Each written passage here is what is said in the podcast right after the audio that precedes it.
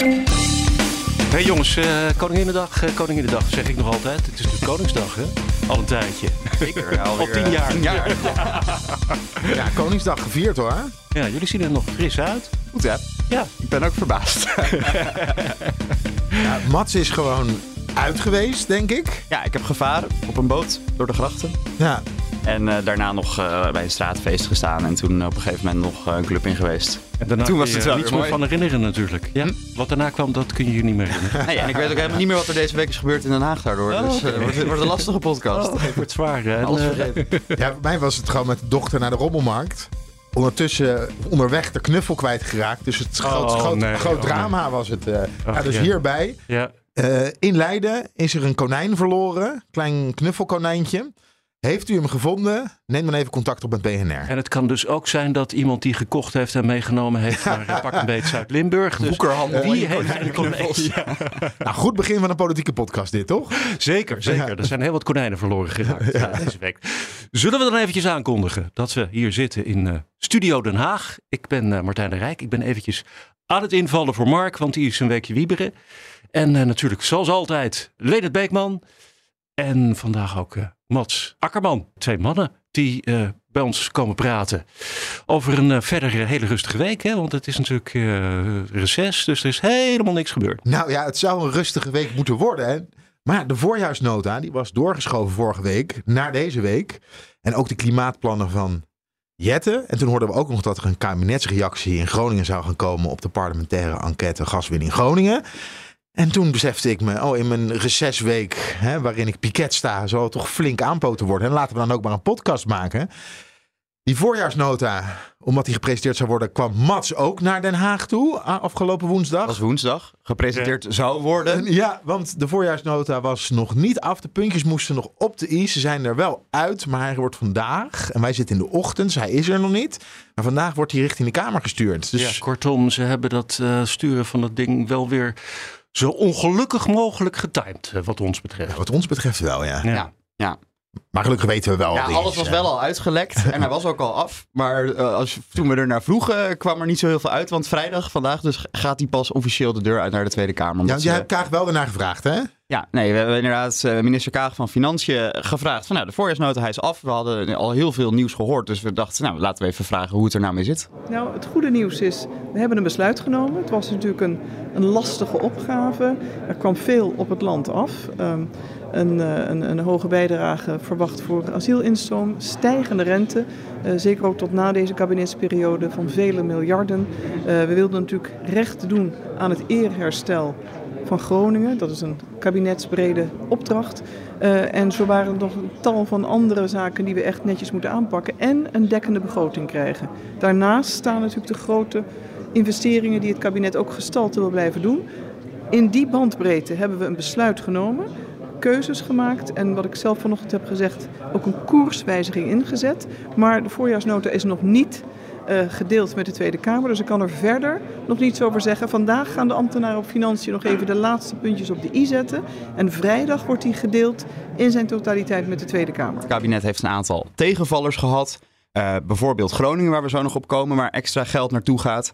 Eh, de asielinstroom die is hoger dan verwacht en dat moet je natuurlijk opvangen. Dus daar hebben ze ook extra kosten van. De rente is gestegen, dus ze hebben stijgende rentelasten op de staatsschuld.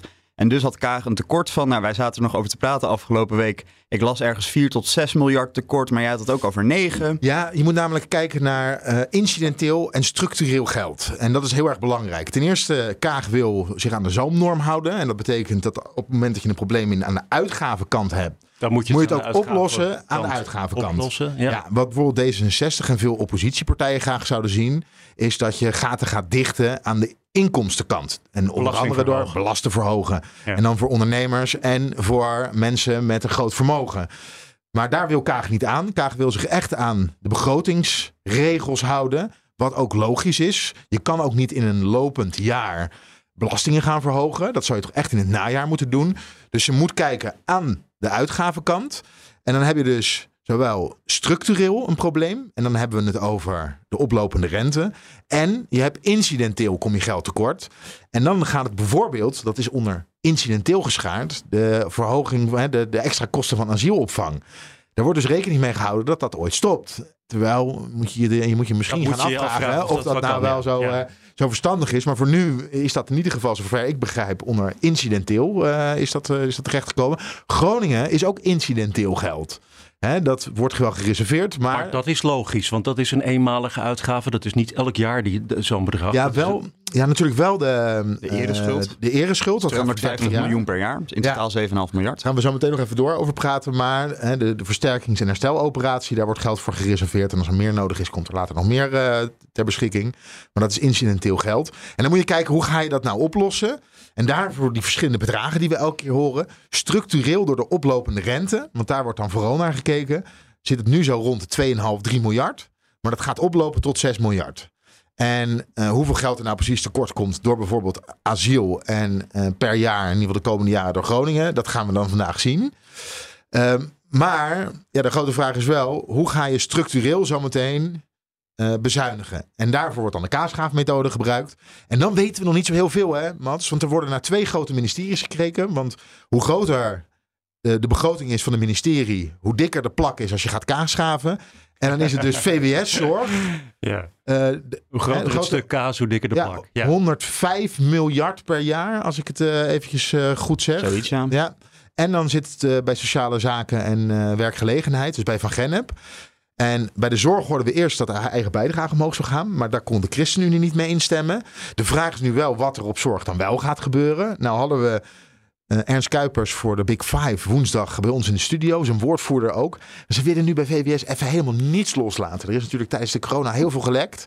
Dus ik kreeg het echt niet losgepeuterd. Ik heb het wel geprobeerd uiteraard. Mhm. Ehm, maar bij Van Gennep weten we wel. Ja, er zijn Dus eh, twee, twee, eh, dingen uitgelekt van Van Gennep, waarvan één is bevestigd. Laten we eerst even het, het gerucht doen, is dat het stapbudget wordt geschrapt. Nou, je weet wel dat omscholingsbudget... Ja, dat je in een online wachtrij Mhm. moet om 1000 euro te krijgen voor een cursus die al dan niet daadwerkelijk nuttig is. Want er waren ook heel veel FOP-cursussen die, die daar werden aangeboden. Die allemaal precies 1000 euro kosten. Ja. Ja, precies. Eh, en je kon, eh, wat is het, geurkaarstherapie, nou ik zeg maar wat. Maar het, het, het was soms best wel vreemd. En Is dat het was leuk trouwens? Ja. eh, ja, ja, het was fantastisch.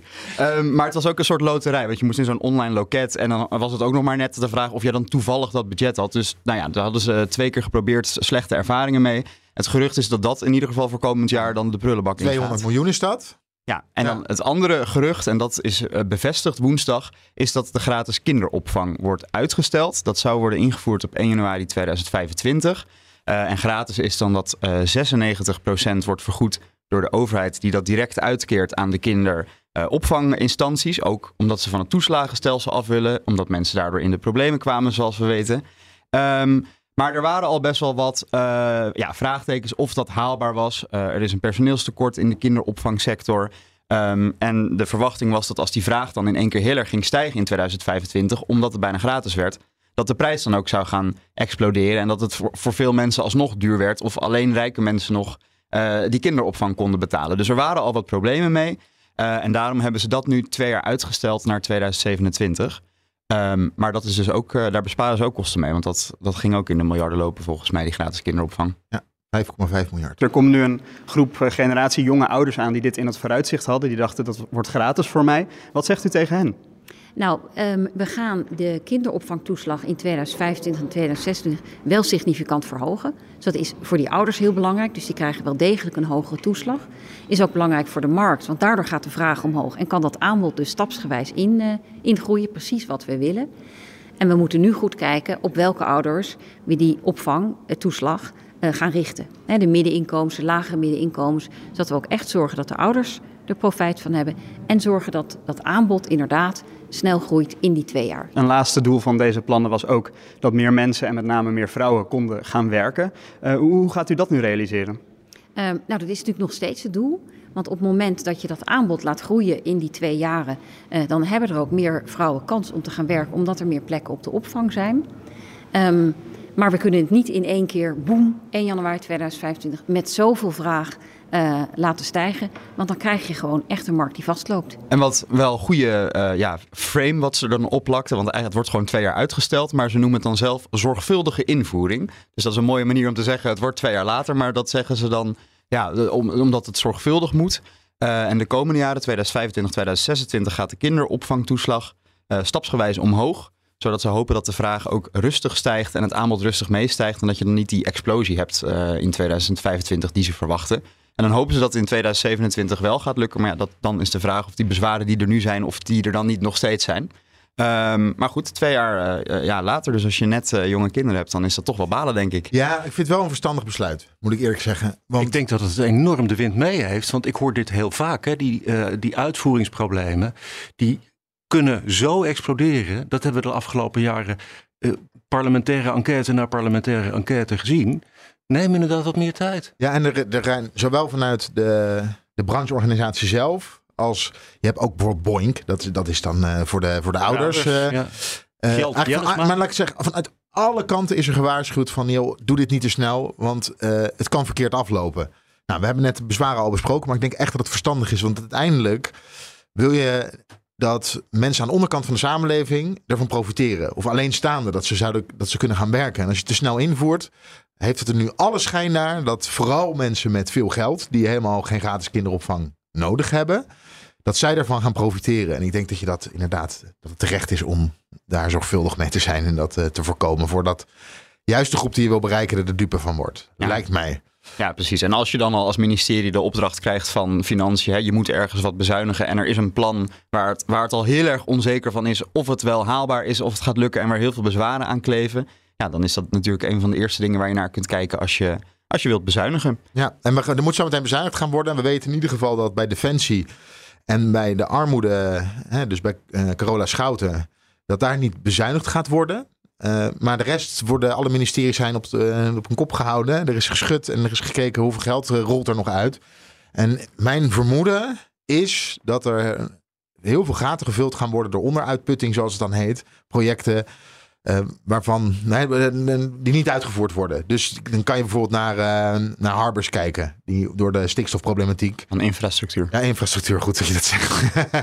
ja, door de stikstofproblematiek nu uh, allemaal nieuwe snelwegen niet kan aanleggen. Dus er zal nog wat geld op de plank liggen. Waarmee ja. je nu de gaten kan, kan dichten. Ja, eventjes in, in de woorden van, van Kaag. binnen de bandbreedte zijn de keuzes gemaakt.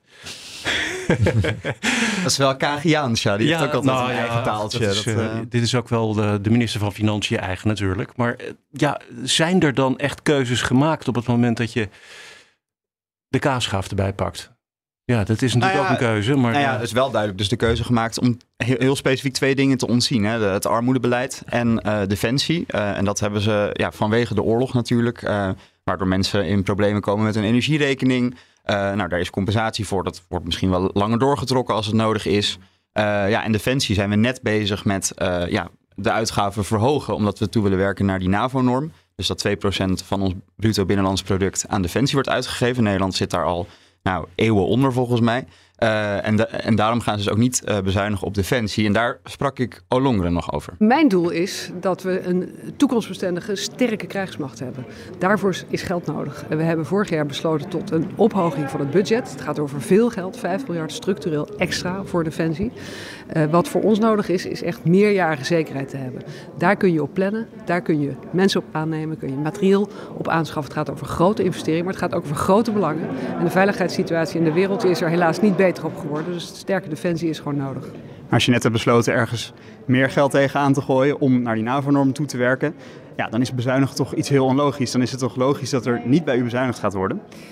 Nogmaals, ik kan helaas niet vooruitlopen op uh, de informatie die de minister van Financiën naar de Kamer zal sturen. Maar 1 en 1 is 2. U heeft mij zo net gehoord. Mijn pleidooi voor een sterke defensie betekent ook een stevig budget. Ja, 1 en 1 is 2. Uh... Ja, maar ze wilde het niet bevestigen, maar... Maar wij weten het wel. Maar waarschijnlijk geen bezuiniging op maar defensie. Als Kaag over de bandbreedte, zo noemden ze het hè? Volgens mij doelt zij met die bandbreedte gewoon uh, op uh, waar ga je je geld vandaan halen. En dat is dus bij, aan de uitgavenkant. Ja, en verder is het afwachten tot de brief er is. Op de mat gaat vallen. Ja, ja, het is wel opvallend dat hierover echt heel weinig uitgelekt is. En als we dan bijvoorbeeld naar de klimaatplannen van Jette gaan kijken, en gaan we zo meteen nog even bespreken. Ja, dat is echt gelijk maar doen. Ja, afgelopen woensdag, uh, zeker RTL, die zat er bovenop. Ja, dat, dat liep echt helemaal leeg voordat dat gepresenteerd werd.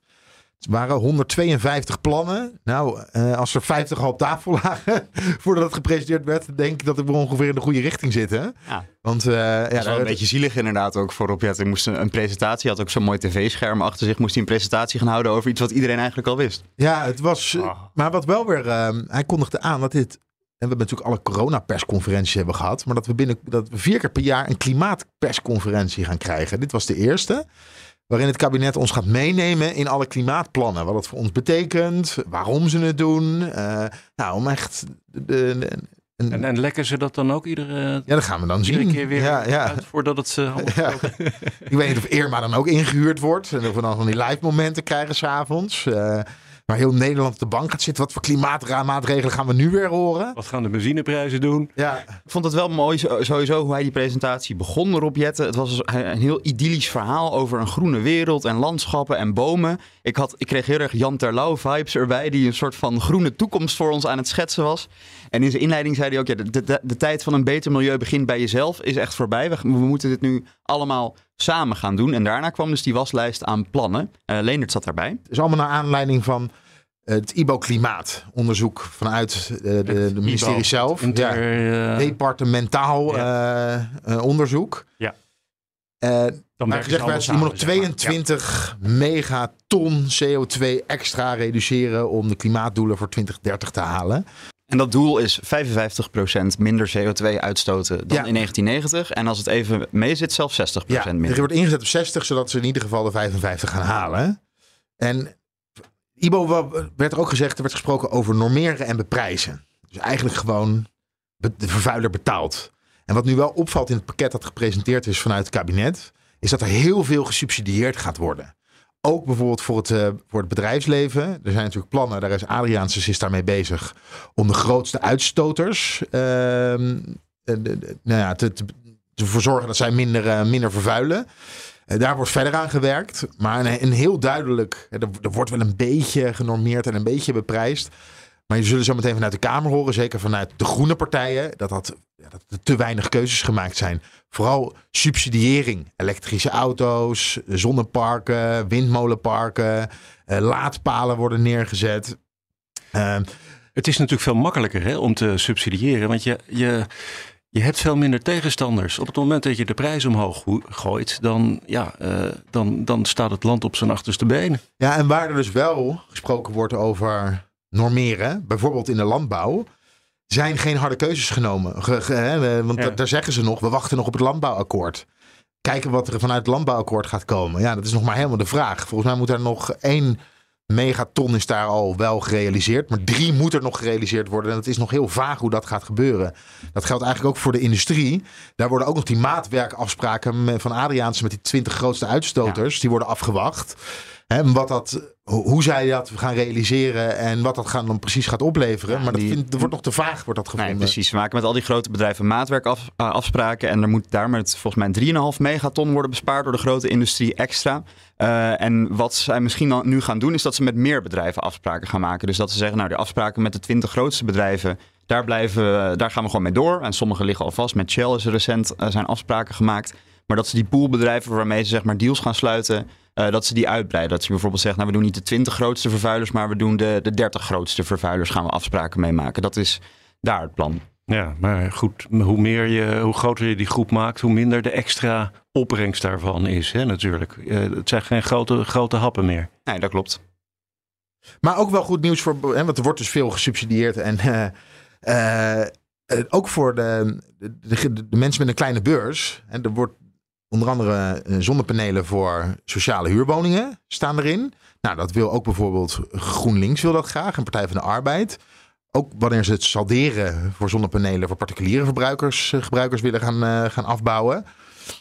Um, isoleren van woningen. En, en kan je een voucher kan je gaan krijgen om je woning te gaan isoleren. Dus er zit ook wel echt wel goed nieuws in voor. Uh... Want het probleem met die subsidies in het verleden was dat vaak bleek dat eigenlijk voornamelijk de, de mensen met de hoogste inkomens daarvan profiteerden. Die subsidie op elektrische auto's. Uh, dat in één keer allemaal mensen met heel hoge inkomens mooie Tesla's gingen kopen. En verder niemand. Nou, nu komt er ook subsidie op tweedehands elektrische auto's. En daarvan zeiden objetten ook, nou ja, dan kan iemand met, hem met een bijstandsuitkering kan niet meteen een elektrische auto kopen. Maar dan hopen ze dat het een beetje zo stapsgewijs uh, ja, doorcijpelt van boven naar beneden. Hoe, hoe, gaat dat werken? Weten jullie daar wat van? Want uh, een subsidie op een tweedehands auto, uh, ja, ik probeer me daar wat bij voor te stellen, maar geen idee nog, hè? Nee. Misschien het bonnetje naar de overheid opsturen en ja. dan ja. ook een hm. voucher. Nee, ik heb geen idee. Ja, de aanschaf van benzineauto's wordt duurder. Dus nieuwe benzineauto's. Het plan was uiteindelijk in eerste instantie, maar daar is de VVD voor gaan liggen om vanaf 2025 alle zakelijke rijders al te verplichten om elektrisch te gaan rijden. Maar dat heeft het niet gehaald. Er gaat wel wat bij de benzineprijs, toch? Ja, de bio, uh, biobrandstof moet bijgemengd worden. Dat gaat dan om een paar cent mhm. per liter. Dus benzine wordt nog duurder. Uh, maar er ligt een aanzienlijk pakket van die 35 miljard. Uh, in, het, in het klimaatfonds wordt nu al ruim 28 miljard uitgegeven. dus dat gaat redelijk snel al. Ja, de, de potje is zometeen al bijna leeg. Ja, eerste 10 miljard gaat in 2024 volgens mij uh, de, de, deur, uit al. Ja, ja. dat wil zeggen, als we niet weer te maken krijgen met, uh, met die onder... Uh, wat, hoe noemen we dit ook weer? ja, dat, is het niet lukt om het uit te geven. Ja. Die onderuitputting. Ja, en dat is natuurlijk een groot probleem. We, we, je hebt er ook naar gevraagd. Want ook bij de energietransitie... bijvoorbeeld het neerzetten van laadpalen... maar ook het energienet uitbreiden... waardoor op een zonnige dag is er bijvoorbeeld heel veel stroom aanwezig, maar dat kunnen we nu niet kwijt op het net. Nou, er moet allemaal, er moet heel veel gebeuren. En de vraag is, ja, ook het isoleren van huizen. Ja, uh, is het materiaal er? Zijn de bouwvakkers er? Hij zegt zelf, ja, het is heel ambitieus. Het is een hele grote uitdaging. Ik hoop dat het lukt. Maar we beseffen ons dat het, een, uh, dat, uh, een, een, dat het moeilijk kan worden. Maar dat is nog maar helemaal de vraag. Hè? Is het wel realistisch? Is het uitvoerbaar? Ja, ik kan het antwoord er niet op geven. Maar ja, als je nu, ik zie Mats nee schudden. Maar, nou ja, nee, nee, is het, ja, je weet het gewoon nog niet. En ook wanneer krijg je nou precies door of het, of het genoeg is? En komt er niet misschien over vijf jaar een moment dat we denken van... goh, alles wat we in 2023 uh, eh, zijn gestart, dat, dat blijkt toch nog wel echt uh, fors te weinig te zijn. En die principeakkoorden met die grote industrie, daar, daar is niet zoveel van terechtgekomen of zo. Ja, wat doe je dan? Dan is die 28 miljard van de 35 is al op dan kom je erachter dat je, dat je het niet gaat redden. En dan moet je met die laatste 7 miljard moet je het nog gaan redden. Dat lijkt me eh, pittig. Ja. Oh jee, sombere gezichten. Laten we snel doorgaan naar iets uh, misschien uh, minder. Ja, Groningen. Ja, ik mocht Groningen. naar Groningen toe. Jij wil naar Groningen toe. Ja, ik mocht naar Groningen. Ja, jij mag naar Groningen. Het was, in Groningen. Ik was in Groningen. Ja, ja en de kabinet gaf eindelijk reactie op parlementaire enquête gaswinning Groningen. En ging in op de eerschuld. En wat gaan we nou. Uh, hoeveel gaan we in Groningen investeren de komende jaren? En we moeten het even opsplitsen. Want het was eigenlijk best wel apart. Ik kwam daar aan. En ik moet even het dorpje erbij zoeken. Want ik ben heel. Ik ben, mag, mag, ik, even, dat mag je, mag je even doen. Ja. Knip, knip, knip. Garmerwolde was het, ja. Ik kwam aan in Garmerwolde. In, in het mag er misschien wel in blijven. Sorry. Uh, en, uh, zeg het nog in het Garmerwolde. Ja. Oké, ja. Ik kwam, eh, ik kwam aan in Garmerwolde in een, in een, soort dorpshuis. Uh, veel Groningers aanwezig. Commissaris van de Koning uh, was er. René Paas. de Groninger Bodembeweging. Nou, iedereen die belang daarbij heeft. Ook mensen die hebben ingesproken bij die parlementaire enquêtecommissie. En de vraag was. Hoeveel geld gaat er nou beschikbaar komen voor Groningen? Ten eerste voor de herstel- en versterkingsoperatie. En voor die eerschuld. En Groningen zelf wilde in ieder geval voor de eh, eerschuld 30 miljard hebben. En dat staat dan nog los van de herstel- en versterkingsoperatie. En uiteindelijk werd het 22 miljard en alles bij elkaar. Dus ja, er was wel onvrede. Ja, was want die hersteloperaties wordt geschat dat dat 5 tot 10 miljard kan gaan kosten. Ook afhankelijk van of er nog bevingen komen die weer schade gaan veroorzaken. Want ook toekomstige schade gaan ze vergoeden. Dus dan, ja, dan de eis van Groningen eigenlijk, van de, het bestuur daar, was ja, 35 tot 40 miljard. Uh, en het werd 22, dus dat is wel ja, fors minder. Ja. Ja, 7,5 miljard voor het inlossen van de eerschuld. De komende 30 jaar uh, eh, 250 miljoen per jaar richting Groningen. 50 plannen zijn er gepresenteerd. Uh, ja, dat gaat echt van het, van het sociaal domein. Hè? Mensen die schade hebben, psychische schade hebben opgelopen door jarenlang in onveilige huizen gewoond te hebben. Tot aan scholing, uh, de energietransitie, uh, bereikbaarheid. Nou ja, dat moet allemaal moet dat beter Ze worden. gaan wegen verbreden, huizen isoleren. Want in Groningen is relatief veel energiearmoede, veel slecht geïsoleerde huizen. Eh, dus daar komt geld voor om hele wijken, zeg maar, Maar toch ook eh, die nationale regeling voor straks? eh, Ja, ook. Maar Groningen krijgt dus eh, nog extra. extra, ja. Mhm. Omdat Ja. die volgens mij eh, relatief echt achterlopen op eh, andere delen van Nederland. En dat is dus 7,5 miljard. En daarvan zegt René Paas ook, de commissaris van de Koning. Ja, dat is veel minder dan wat wij gevraagd hebben. En dat is gewoon niet genoeg. Waarom is het te weinig? Eh, omdat wij denken dat de doelen die het kabinet zelf ook omarmt. Hè? Dus dat mensen geen zorgen meer hoeven eh, hebben over hun versterking of over het herstel van hun schade. Maar ook de kansen voor hun kinderen, sociaal-economisch en sociaal. En ook eh, het realiseren van infrastructuur die nodig is voor economische ontwikkeling. Die doelen die zijn niet te realiseren met de middelen die het kabinet er vandaag voor uittrekt. Ja, dan moeten we dus even twee dingen los van elkaar trekken. Aan de ene kant de schade- en hersteloperatie. En de eerschuld. De eerschuld is nogmaals 7,5 miljard. Dat is te weinig, daar hoorden we Paas net over. En dan hebben we de schade- en herstelkant. Dat is de rest, dat is dus 13,5 miljard.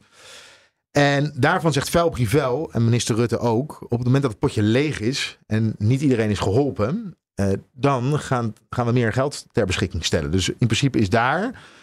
ehm, ook in de toekomst is er meer geld, mocht dat nodig zijn. Wat is dat dan waard? Want dat is eigenlijk alleen maar een toezegging die een kabinet in de toekomst moet gaan uitvoeren. Ja. bedoel, Dat, dat lijkt me boterzacht. Of, of een open deur. Want natuurlijk. Nou, de er Groningers zeggen dus ook, eh, eerst Ja. zien, dan geloven. Ja. Ehm, maar het kabinet denkt dat ze met de 13,5 miljard eh, het gaan redden. En maar ja, de Groningers zijn natuurlijk heel sceptisch eh, zijn ze daar, zijn ze erover. En waar ze ook wel heel blij mee zijn, het is allemaal veel te juridisch. Het is helemaal vanuit wantrouwen. Dus als je schade had, ja, dan moest je echt elk scheurtje moest je kunnen aantonen dat het van de, een, na een beving was. En dan kwamen de experts kwamen kijken en juristen kwamen om de hoek. En het duurde allemaal verschrikkelijk lang nu. Een claim tot 40.000 euro wordt ingewilligd. Eigenlijk wordt er niet meer naar gekeken. Hoe dan ook, als je binnen het aardbevingsgebied valt, wat ze hebben gemarkeerd, dat gebied wordt ook iets groter, dan zeggen ze alles tot 40.000 euro gaan we niet eens meer onderzoeken. Dus ja, er zal vast ergens wel één persoon zijn die schade in zijn huis heeft door eigen toedoen. Maar ze gaan daar niet meer eh, een, een bak juristen op je afsturen en eh, slepende processen doen. Dan zeggen ze gewoon, oké, dit gaan we vergoeden. Ze hebben ook afgesproken dat dat aardbevingsgebied waarbinnen dat gebeurt, dat het in de toekomst wel groter kan worden en nooit kleiner kan worden. Dus het zou kunnen dat mm, meer mensen in aanmerking komen. En zo hopen ze dat, ja, dat het dus inderdaad niet meer op basis van wantrouwen is, maar ja, eh, ja, een teken van vertrouwen geven op deze manier. En wat het kabinet ook heeft gedaan, tot slot, is dat ze eigenlijk alle conclusies en aanbevelingen hebben overgenomen vanuit de parlementaire enquêtecommissie. Dus ook dat er een ereschuld is, maar ook dat hè, eh, er te weinig rekening is gehouden met de belangen van de Groningers en dat financiën voorop heeft gestaan. Kortom, ze hebben echt nog een keer sorry gezegd. Eh, het, het kabinet moest door het stof, is door het stof gegaan. En dan krijg je ook de vraag op het moment dat je met Rutte staat te praten. Want we mochten als pers mochten we achteraf mochten we um, Rutte eh, mochten we interviewen en een vuilbrief. Maar dan sta je in de rij, want zo werkt dat. En te wachten tot je aan de beurt bent. En dan komt de hele tijd de vraag voorbij: moet u niet opstappen? En dat is toch een vraag. En op het moment dat je in de rij staat, denk je van ja, Stel ik hem wel of stel ik hem niet? Stel ik hem wel of stel ik hem niet? Want het zou wel heel bizar zijn als die allemaal voorgangers. eh, eh, tegen al de voorgangers nee zegt. En bij mij ineens zou zeggen. Nou, dat lijkt me eigenlijk. eh, wat meneer Beekman. Wat een goed idee zeg. ik eh, denk dat ik hierbij eh ermee stop. Omdat je het zo aardig vraagt. Ja, dus toch stel je er. Want dan hadden we met jou nog even voordat we begonnen. hadden Ja. we het erover, Martijn. Soms zijn er van die vragen dat je denkt: van ja, je, je, moet weet, ze stellen. Je weet het antwoord al. We weten het antwoord al. Ja. Iedereen weet het antwoord al. Maar het rapport ging specifiek in op de rol van de minister-president. Waarin st- staat in het rapport... Ja, de minister-president is te weinig betrokken geweest. En hij heeft het verschil niet kunnen maken. Met welk gevoel staat u, bent u hier naartoe afgereisd vandaag? Want er staan harde woorden over uw eigen functioneren Ja. in het rapport van de parlementaire enquêtecommissie Gaswinning Groningen. Klopt, hele harde woorden. Eh, en ik ben hier naartoe gekomen, precies wat ik ook in mijn toespraakje zeg, eh, dat ik dit beschouw als eh, voor de politiek een laatste kans. Ook voor uzelf richting Groningen. Uiteraard, eh, uiteraard ook. Ja. Dat is al de, heeft de vraag al vaak gekregen. Hè? Eh, nog getwijfeld om aan te blijven? Jazeker, als zo'n rapport uitkomt, dan denk je erover na. Eh, zal ik opstappen? Ik heb besloten dat niet te doen en eh, mijn best te doen om het, ja, het, het beste ervan te maken met de uitvoering van deze maatregelen. Ja, de vraag blijft komen en Rutte blijft zitten. Dat is, eh, dat is een beetje een, eh een Wat dan ook wel weer ja, misschien positief is voor Groningen. Want we hebben de staatssecretaris Hans Veilbrief van Mijnbouw, maar eigenlijk gewoon van Groningen. Eh, die is wel ja, echt wel betrokken met de provincie. Die is er vaak. Hij werd ook emotioneel tijdens het eh, persmoment. En als Rutte zou opstappen en zijn kabinet, zou dat ook betekenen dat Veilbrief ook weg moet. Want dan valt het hele kabinet. Ja. En volgens mij zijn de Groningers wel echt blij met hem. En is hij wel echt een toegewijde staatssecretaris die zich wel echt als doel heeft voorgenomen van ik ga dit fixen. Of in ieder geval een, een begin maken om dit op te lossen. Want ze, ze hebben als het, als het uitzitten nog twee jaar. Dus hij kan niet alles, eh, hij kan niet de hele ereschuld eh inwilligen in zijn eentje, denk ik. Maar hij kan wel eh, een begin maken. En ik heb, ik heb het idee dat hij wel ja, daar echt wel go- goed mee Mhm. bezig is met zijn met zijn hart op de goede plek in ieder geval. Ja, en de Kamer moet er nog over gaan debatteren. Hè? Eind mei wordt dat verwacht. Dan gaat de Kamer in debat over met het kabinet, over de kabinetsreactie. Ja, en dan gaan we zien of het parlement er het mee overleeft. Ja. Ja. maar goed, het was deze week was het voor eh, de coalitie na ja, toch de stikstofruzie en eh, de, de klap na de verkiezingen was het in principe een goede week. Want Groningen, ze zijn naar Groningen gegaan. Ze hebben gereageerd op, het, eh, op, op de enquête. En er is geld ter beschikking gesteld om die eerschuld in te lossen. En ze zijn eruit gekomen met de voorjaarsnota en met de klimaatplannen. En dat allemaal voor de deadline. Want je had nog kunnen denken van ze trekken het over Nou, de deadline dat heen. is dus Eh, een beetje de vraag voor de deadline. Ja, nee, is de al, nee, eh, is de brief al binnen, is er nog niet, Kijk maar- op de telefoons. Is de brief al binnen?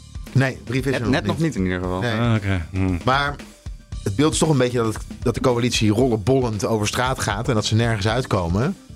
Ja, eh, voorlopig zijn ze in ieder geval.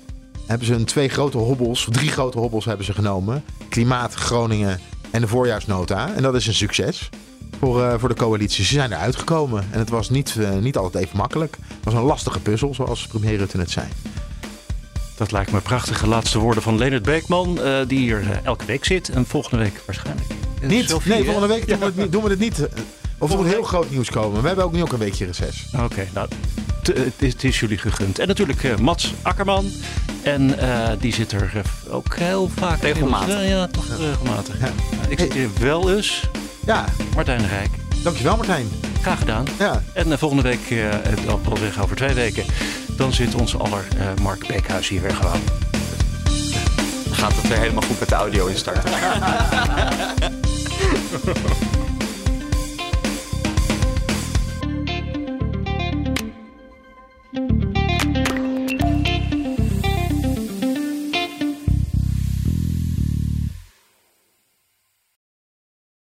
Ook Thomas van Zeil vind je in de BNR-app. Je kunt live naar mij luisteren in Zaken doen. De BNR-app met breaking news. Het laatste zakelijke nieuws. En je vindt er alle BNR-podcasts. Bijvoorbeeld Het Nieuwe Geld. Download nu de gratis BNR-app en blijf scherp.